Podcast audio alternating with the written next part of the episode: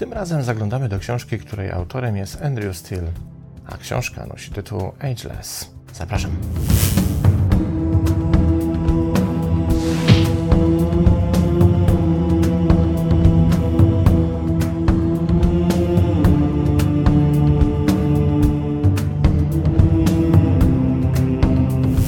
Zanim zaczniemy i zanim tradycyjnie przyjrzymy się temu, kim jest autor książki, od razu muszę uprzedzić na samym początku, że ten odcinek może być chyba najbardziej kontrowersyjny z wszystkich i pojawią się w nim treści, które mogą się Wam nie spodobać.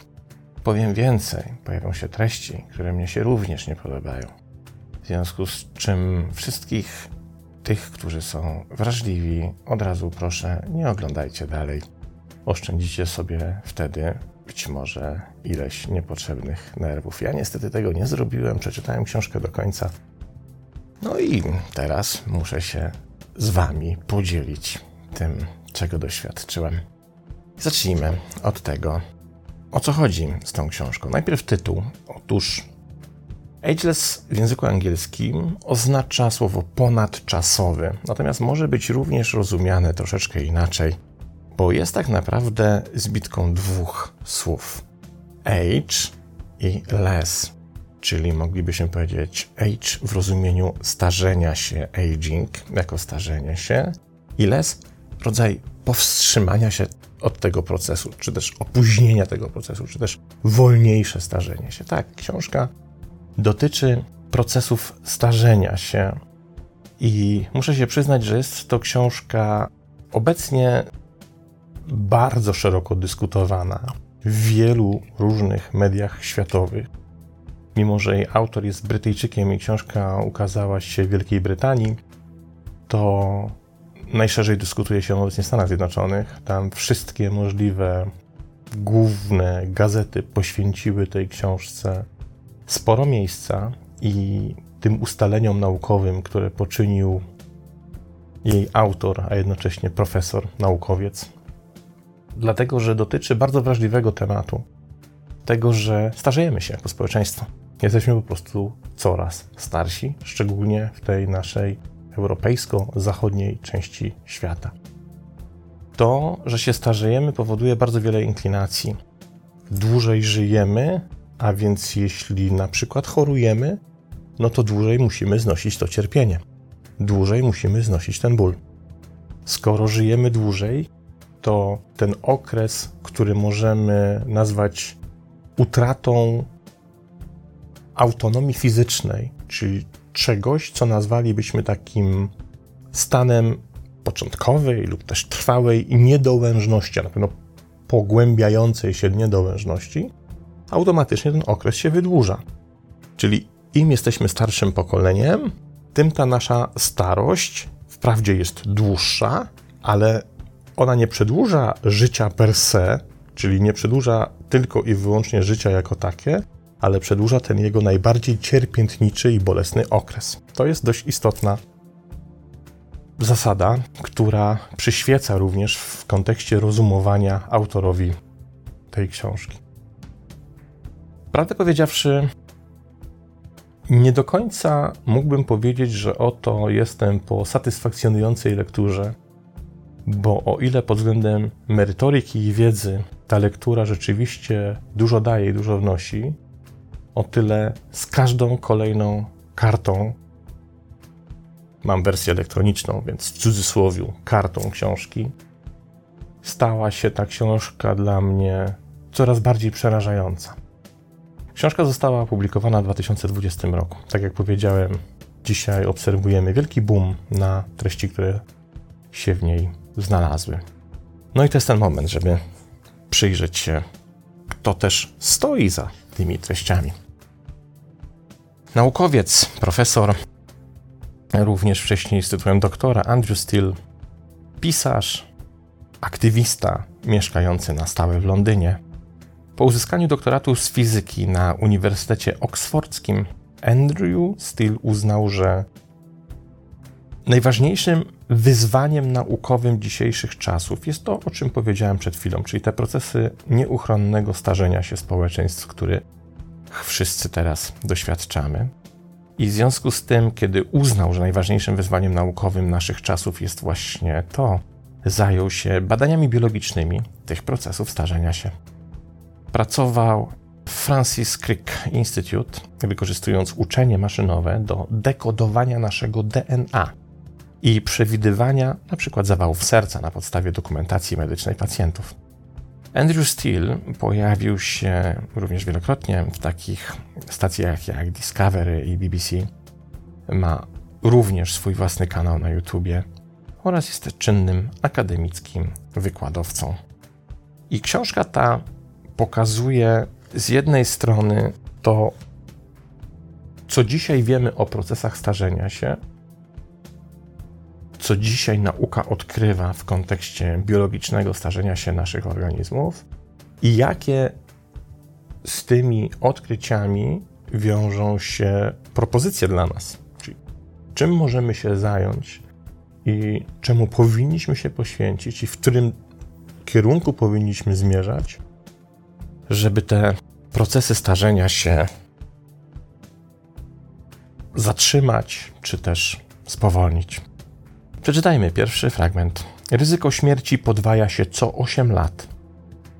Nie zaczyna się tak źle. W wieku 30 lat Twoje szanse na śmierć są mniejsze niż 1 na 1000. Jednak już w wieku 65 lat ryzyko śmierci w tym właśnie roku Twojego życia będzie wynosiło 1%. Przy 80 latach urośnie do 5%. A kiedy przekroczysz 90, to szanse na to, że nie dotrwasz do 91 urodzin wyniosą 1 do 6.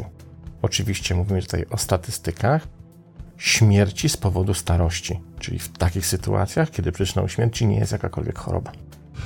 Codziennie na Ziemi umiera około 150 tysięcy ludzi. Ponad 100 tysięcy z nich umiera z powodu starzenia. Oznacza to, że na całym świecie starzenie się jest odpowiedzialne za ponad 2 trzecie zgonów i ponad 90% w bogatych krajach. Dziesiątki milionów ludzi cierpi więc przez lata lub dziesięciolecia, gdy ich zdrowie się pogarsza wraz z procesami starzenia się. Leczenie starzenia się nie oznacza osiągnięcie celu pod postacią życia wiecznego, ale doprowadziłoby do znacznego zmniejszenia cierpienia. Problem w tym, że te lata cierpień wciąż się wydłużają. Od 1840 roku średnia światowa długość życia wydłużała się o 3 miesiące każdego roku z regularnością jak w zegarku. Co więcej, trend ten nie wykazuje oznak osłabienia. Oznacza to, że jeśli jesteś w średnim wieku lub młodszy, z każdym rokiem Twoja oczekiwana data śmierci przesuwa się o kilka miesięcy w przyszłość. Średnio każdego dnia, który uda Ci się przeżyć, zyskujesz kolejne 6 godzin. Tak naprawdę ta książka pokazuje, że jest jednocześnie dobrze i źle. Dobrze jest dlatego, że żyjemy coraz dłużej, więc możemy, uwaga, to będzie potężny cudzysłów, cieszyć się życiem przez długie, długie lata. A źle jest dlatego, że tak jak pisze autor tej książki, z każdym przeżytym dniem przybywa ci potencjalnie 6 godzin życia więcej, które jednak będą ostatnimi 6 godzinami Twojego życia, to oznacza, że to nie będą fajne godziny. To oznacza, że to nie będą te godziny, w których będziesz się cieszył życiem, będziesz radosny, pełno sprawny i w pełni szczęśliwy czy szczęśliwa. Musimy to brać pod uwagę. Coś za coś, to jest zawsze reguła wymiany umieramy starsi, więc umieramy w dużo, nie chcę powiedzieć w dużo gorszej kondycji, ale nasza śmierć jest okraszona większym bólem i cierpieniem. I teraz jest podstawowe pytanie: czy to na pewno dobrze? Czy na pewno wszystkie te wysiłki nauki zmierzające do opóźnienia procesów starzenia się, które są wykonywane tak naprawdę pod płaszczykiem zmniejszenia cierpienia, bo to jest cały czas myśl przewodnia nauki. My próbujemy wydłużyć życie ludzkie po to, żeby ci ludzie żyjąc coraz dłużej, a i tak żyją coraz dłużej, mniej cierpieli na starość. I to jest wygodny płaszczyk, ale tam pod spodem ukrywa się bardzo wiele niekoniecznie e, fajnych i cudownych rzeczy, a często są to rzeczy ukryte poza naszą świadomością, z których sobie nie zdajemy sprawy i które tak naprawdę nie są niczym fajnym, i za chwilkę do nich dojdziemy. Ale jeszcze jeden fragment. Pandemię. Pamiętajmy, to jest książka napisana. Ona się ukazała pod koniec 20 roku, w związku z czym pandemia już szalała. Pandemie są upokarzającym przypomnieniem potęgi natury w porównaniu z naszą własną. Kryzys koronawirusa obnażył to, o czym wielu z nas w dużej mierze zapomniało. Jak straszliwą chorobę zakaźną ten wirus przynosi, która może być śmiertelna, jeśli nie potrafimy jej wyleczyć czy się przed nią zabezpieczyć. Niemniej jednak, ryzyko śmierci z powodu COVID-19, a mówi to naukowiec zajmujący się przez całe życie profesjonalnie badaniem przyczyn śmierci. Ryzyko śmierci z powodu COVID-19 jest nadal znacznie mniejsze niż ryzyko infekcji w przeszłości. Bakterie, wirusy i inne mikroorganizmy przez całą historię ludzkości uderzały w nas dużo bardziej niż cokolwiek innego, cokolwiek współczesnego. Nawet w najgorszym przypadku jest mało prawdopodobne, aby konsekwencje koronawirusa przewyższyły na przykład skutki pandemii grypy z 1918 roku, podczas której szacuje się zmarło od 50 do 100 milionów ludzi w ciągu zaledwie kilku lat i to tylko z powodu wirusa grypy co daje około 5% światowej populacji ludności w tym czasie, przewyższając, zwróćcie uwagę, wielokrotnie liczbę 20 milionów zabitych w poprzednich czterech latach zmechanizowanej zagłady w I wojnie światowej. I autor wypowiada następujące słowa. Ludzkość dobrze by zrobiła, gdyby pamiętała, że nasz prawdziwy wróg jest zupełnie gdzie indziej. Dalej. Musimy zacząć od zdefiniowania, co rozumiemy przez starzenie się. Zaczniemy nie od biologicznej definicji starzenia się, ale od statystycznej. Starzenie się z czasem po prostu zwiększa ryzyko śmierci. Im jesteś starszy, tym większe ryzyko, że umrzesz. To jest oczywiste i logiczne. Nie ma jednak powodu, aby oczekiwać, że starzenie się powinno mieć jedną przyczynę. W istocie powinniśmy oczekiwać, że będzie składać się ze zbioru synchronizowanych, ale tylko w pewnym stopniu powiązanych ze sobą procesów. Naszym zadaniem, tu mówi autor w swoim imieniu, czyli imieniu naukowców, którzy się tym zajmują, jest zidentyfikowanie tych procesów i leczenie ich, w sensie spowolnienie ich, czy też przeciwdziałanie im. Podzieliłem zaś obecnie stosowane zabiegi na kilka różnych kategorii. Pierwsza jest prawdopodobnie najbardziej intuicyjna. Polega na tym, by usunąć z organizmu te złe rzeczy, które gromadzimy z wiekiem i które powodują, że starzejemy się w taki, a nie inny sposób które to starzenie przysparza nam cierpień. Niektóre z cech starzenia się to po prostu rzeczy, które gromadzą się w naszym ciele wraz z wiekiem powodują choroby i dysfunkcję starości, jednak samo pozbycie się tych rzeczy nie jest wystarczającym leczeniem i najbardziej skuteczną drogą, i teraz, jeśli jeszcze wcześniej nie wyłączyliście tego filmu, to to jest ten moment, to jest ostatni moment, kiedy możecie to wyłączyć. Będziemy musieli zająć się wymianą tych rzeczy i odbudować te rzeczy w, nas, w naszych starzejących się ciałach. I teraz posłuchajcie. W historii walki z procesem starzenia się sięgano po różne sposoby. Czasem wydawałoby się wyjęte wprost z gotyckiego horroru. W takich na przykład badaniach dwa zwierzęta, zwykle były to szczury lub myszy, w różnym wieku mają usuwaną skórę po jednej stronie ciała, a następnie zszywa się ich dwa odsłonięte w ten sposób boki. Ten eksperyment nazywa się parabiozą, oznaczającą w tym wypadku życie obok, zaś jej wersja heterochroniczna oznacza zabieg, w którym zszywa się razem zwierzęta w różnym wieku. Ten horror zapoczątkował Paul Bert w 1864 roku, zszywając w ten sposób razem ze sobą dwa szczury i wykazał, że uzyskały dzięki temu wspólny układ krążenia.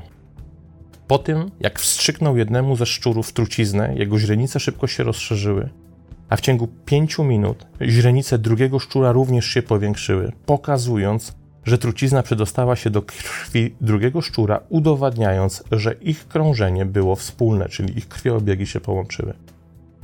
Te wyniki są naprawdę niezwykłe. Stare komórki, jak się okazuje, dzięki takim eksperymentom, nie są nieodwracalnie zniszczone, uszkodzone poza wszelką nadzieją na naprawę. Zamiast tego istnieje ukryta zdolność, którą można odzyskać dzięki odmładzającej mocy, mocy młodego partnera. Starsze zwierzę ma przywilej młodzieńczych organów młodszego. Młodszy szczur lub mysz ma lepszą wątrobę i nerki do filtrowania toksyn, lepsze płuca, silniejsze serce, aby zapewnić dostarczenie większej ilości tlenu do narządów obu myszy czy szczurów. Młodzieńczy układ odpornościowy z w pełni funkcjonalną grasicą, lepiej odnajdujący niszczący bakterie, wirusy oraz komórki przedrakowe lub starzejące się itd. Istnieje również znacznie więcej czynników, na przykład młode myszy częściej biegają po swoich klatkach, a jeśli jesteś starą myszką przyszytą do jakiejś, korzystasz z wymuszonego reżimu ćwiczeń. Te dwuznaczności nie powstrzymały, i teraz uwaga, zaczyna się prawdziwy hardcore, wzrostu zainteresowania zarówno naukowców, jak i biohakerów z Doliny Krzemowej, którzy obecnie badają tego typu eksperymenty i dziedzinę nauki, czyli tą parabiozę, E, wykazując, że starsze myszy w parze heterochronicznej poprawiły wzrost zarówno komórek mózgowych, jak i naczyń krwionośnych w mózgu, lepiej regenerują rdzeń kręgowy i wolniej się zaczynają starzeć, co prowadzi do przeorganizowania całości narządów. Stąd dzisiejsi naukowcy uznali, że przyszłość w leczeniu starości może być skrywana w transfuzjach młodej krwi czy wymianie organów na młodsze. W tym miejscu przerwiemy cytowanie książki naukowej, bo to jest właśnie ten moment, który zaczął mnie przejmować grozą. Zacząłem zastanawiać się, dokąd to prowadzi tak naprawdę. Prowadzi to do momentu, w którym pod płaszczykiem zmniejszenia cierpienia tak naprawdę zadaje się cierpienie. Robi się makabryczne eksperymenty. Po to, by, no nie ukrywajmy, w zupełnie sztuczny sposób zanegować to, co natura rozwiązała w zupełnie inaczej. I to, co naprawdę przerażające w tej książce, to nie to, że w, wiecie, w XIX wieku jakiś szaleniec robił tak potworne eksperymenty, bo pamiętamy przeszczepy głowy, których dokonywano na małpach, na psach, próbując eksperymentować, czyli tak naprawdę autorka Frankensteina mogłaby się z tych rzeczy dopiero dużo nauczyć z tego, co działo się w rzeczywistości. I zawsze, o, Satya przyszła, cześć Satya. O, stworzonko przyszło dokładnie w sam raz, kiedy mówimy, żeby nie zadawać cierpienia. Wyobraźcie sobie, że coś takiego można by było skrzywdzić, tak naprawdę nie wiadomo w imię czego. Serce się kraje. W każdym bądź razie, problem polega na tym, że ta książka i ten przeolbrzymi szum na świecie, który się wokół niej teraz dzieje, dowodzi nam, jak bardzo egoistyczni jako ludzie jesteśmy. Jak przedkładamy swój egoizm nad bardzo wiele różnych aspektów. Wiecie, oceany toną w plastiku. Wycina się drzewa, przeganiając małpy ze swoich orangutany, ze swoich naturalnych siedlisk, po to, by byśmy wpierdzielali jakiś olej palmowy w każdym możliwym produkcie. Wycina się lasy, dlatego że nie jesteśmy w stanie powstrzymać się od kawy. Robi się prosty przykład z brzegu. No, smog, z którym walczymy w Polsce, jesteśmy czerwoną plamą na mapie właściwie już całego świata. Jest maksymalnie wiele nie cierpiących zwłoki problemów do rozwiązania, a potężna kasa potężnych lobby bogatych dziadersów zajmuje się przedłużaniem życia. Problem polega na tym, że kiedy się ma 15, 20 lat, 30 lat, to starość nie istnieje jako problem. Nie myśli się o tym w tych kategoriach. Zaczyna się myśleć o starości, jak samemu się jej doświadcza. Ale wtedy, kiedy przez całe życie nie potrafiliśmy się z tym pogodzić, chociażby zamiatając ten problem pod dywan, udawając, że tego problemu nie ma, to kiedy przychodzi już ten moment, jedynym pomysłem, który mamy na starość, jest taki, żeby ją opóźnić. Zamiast mieć pomysł, jak ją wykorzystać, jak wykorzystać swoją dojrzałość, jak uczynić z tej jesieni życia coś absolutnie pięknego. A można, można żyć w taki sposób, oczywiście, jeśli nie dopadnie nas żadne choróbsko, ale na to czasem nie mamy wpływu.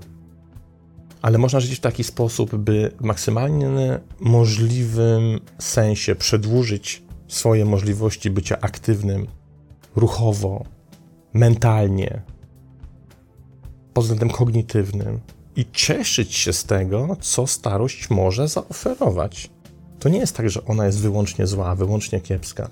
Natomiast wtłaczany w nas strach przed starością powoduje, że my jako ludzie, za co jest mi strasznie wstyd, po prostu najzwyczajniej w świecie jest mi za to wstyd, potrafimy krzywdzić zwierzęta czy krzywdzić innych ludzi tylko po to, by napompować swoje ego i byśmy próbowali zatrzymać coś, co jest nie do zatrzymania. Kurde, wszyscy umrzemy. I wy, ja, prędzej czy później. Życie w niepokoju o to, że to się kiedyś stanie, nie jest życiem. Jest niepokojem. Jest nieustanną paniką i lękiem, które to uczucia serwujemy sami sobie. Sorry, że tak Dzisiaj potraktowałem Was taką hardkorową i kontrowersyjną lekturą, ale też myślę, że ideą tego, tej serii niewidzialnych książek jest śledzenie tego, co się pokazuje na świecie i co jest teraz dyskutowane. Właśnie dlatego, żebyśmy mieli rękę na pulsie, żeby nas to w związku z tym, że nie mamy dostępu do anglojęzycznych książek lub ten dostęp jest opóźniony, żeby nas to nie omijało czym teraz świat, między innymi naukowy, żyje. Nie zawsze żyje rzeczami, z których, nie wiem, wydaje mi się, możemy być dumni. Czasem tak nie jest. I tyle. Mam nadzieję, że nie zepsułem Wam dnia i z nadzieją żegnam się razem z Satią. Do następnego razu. Pozdrawiam.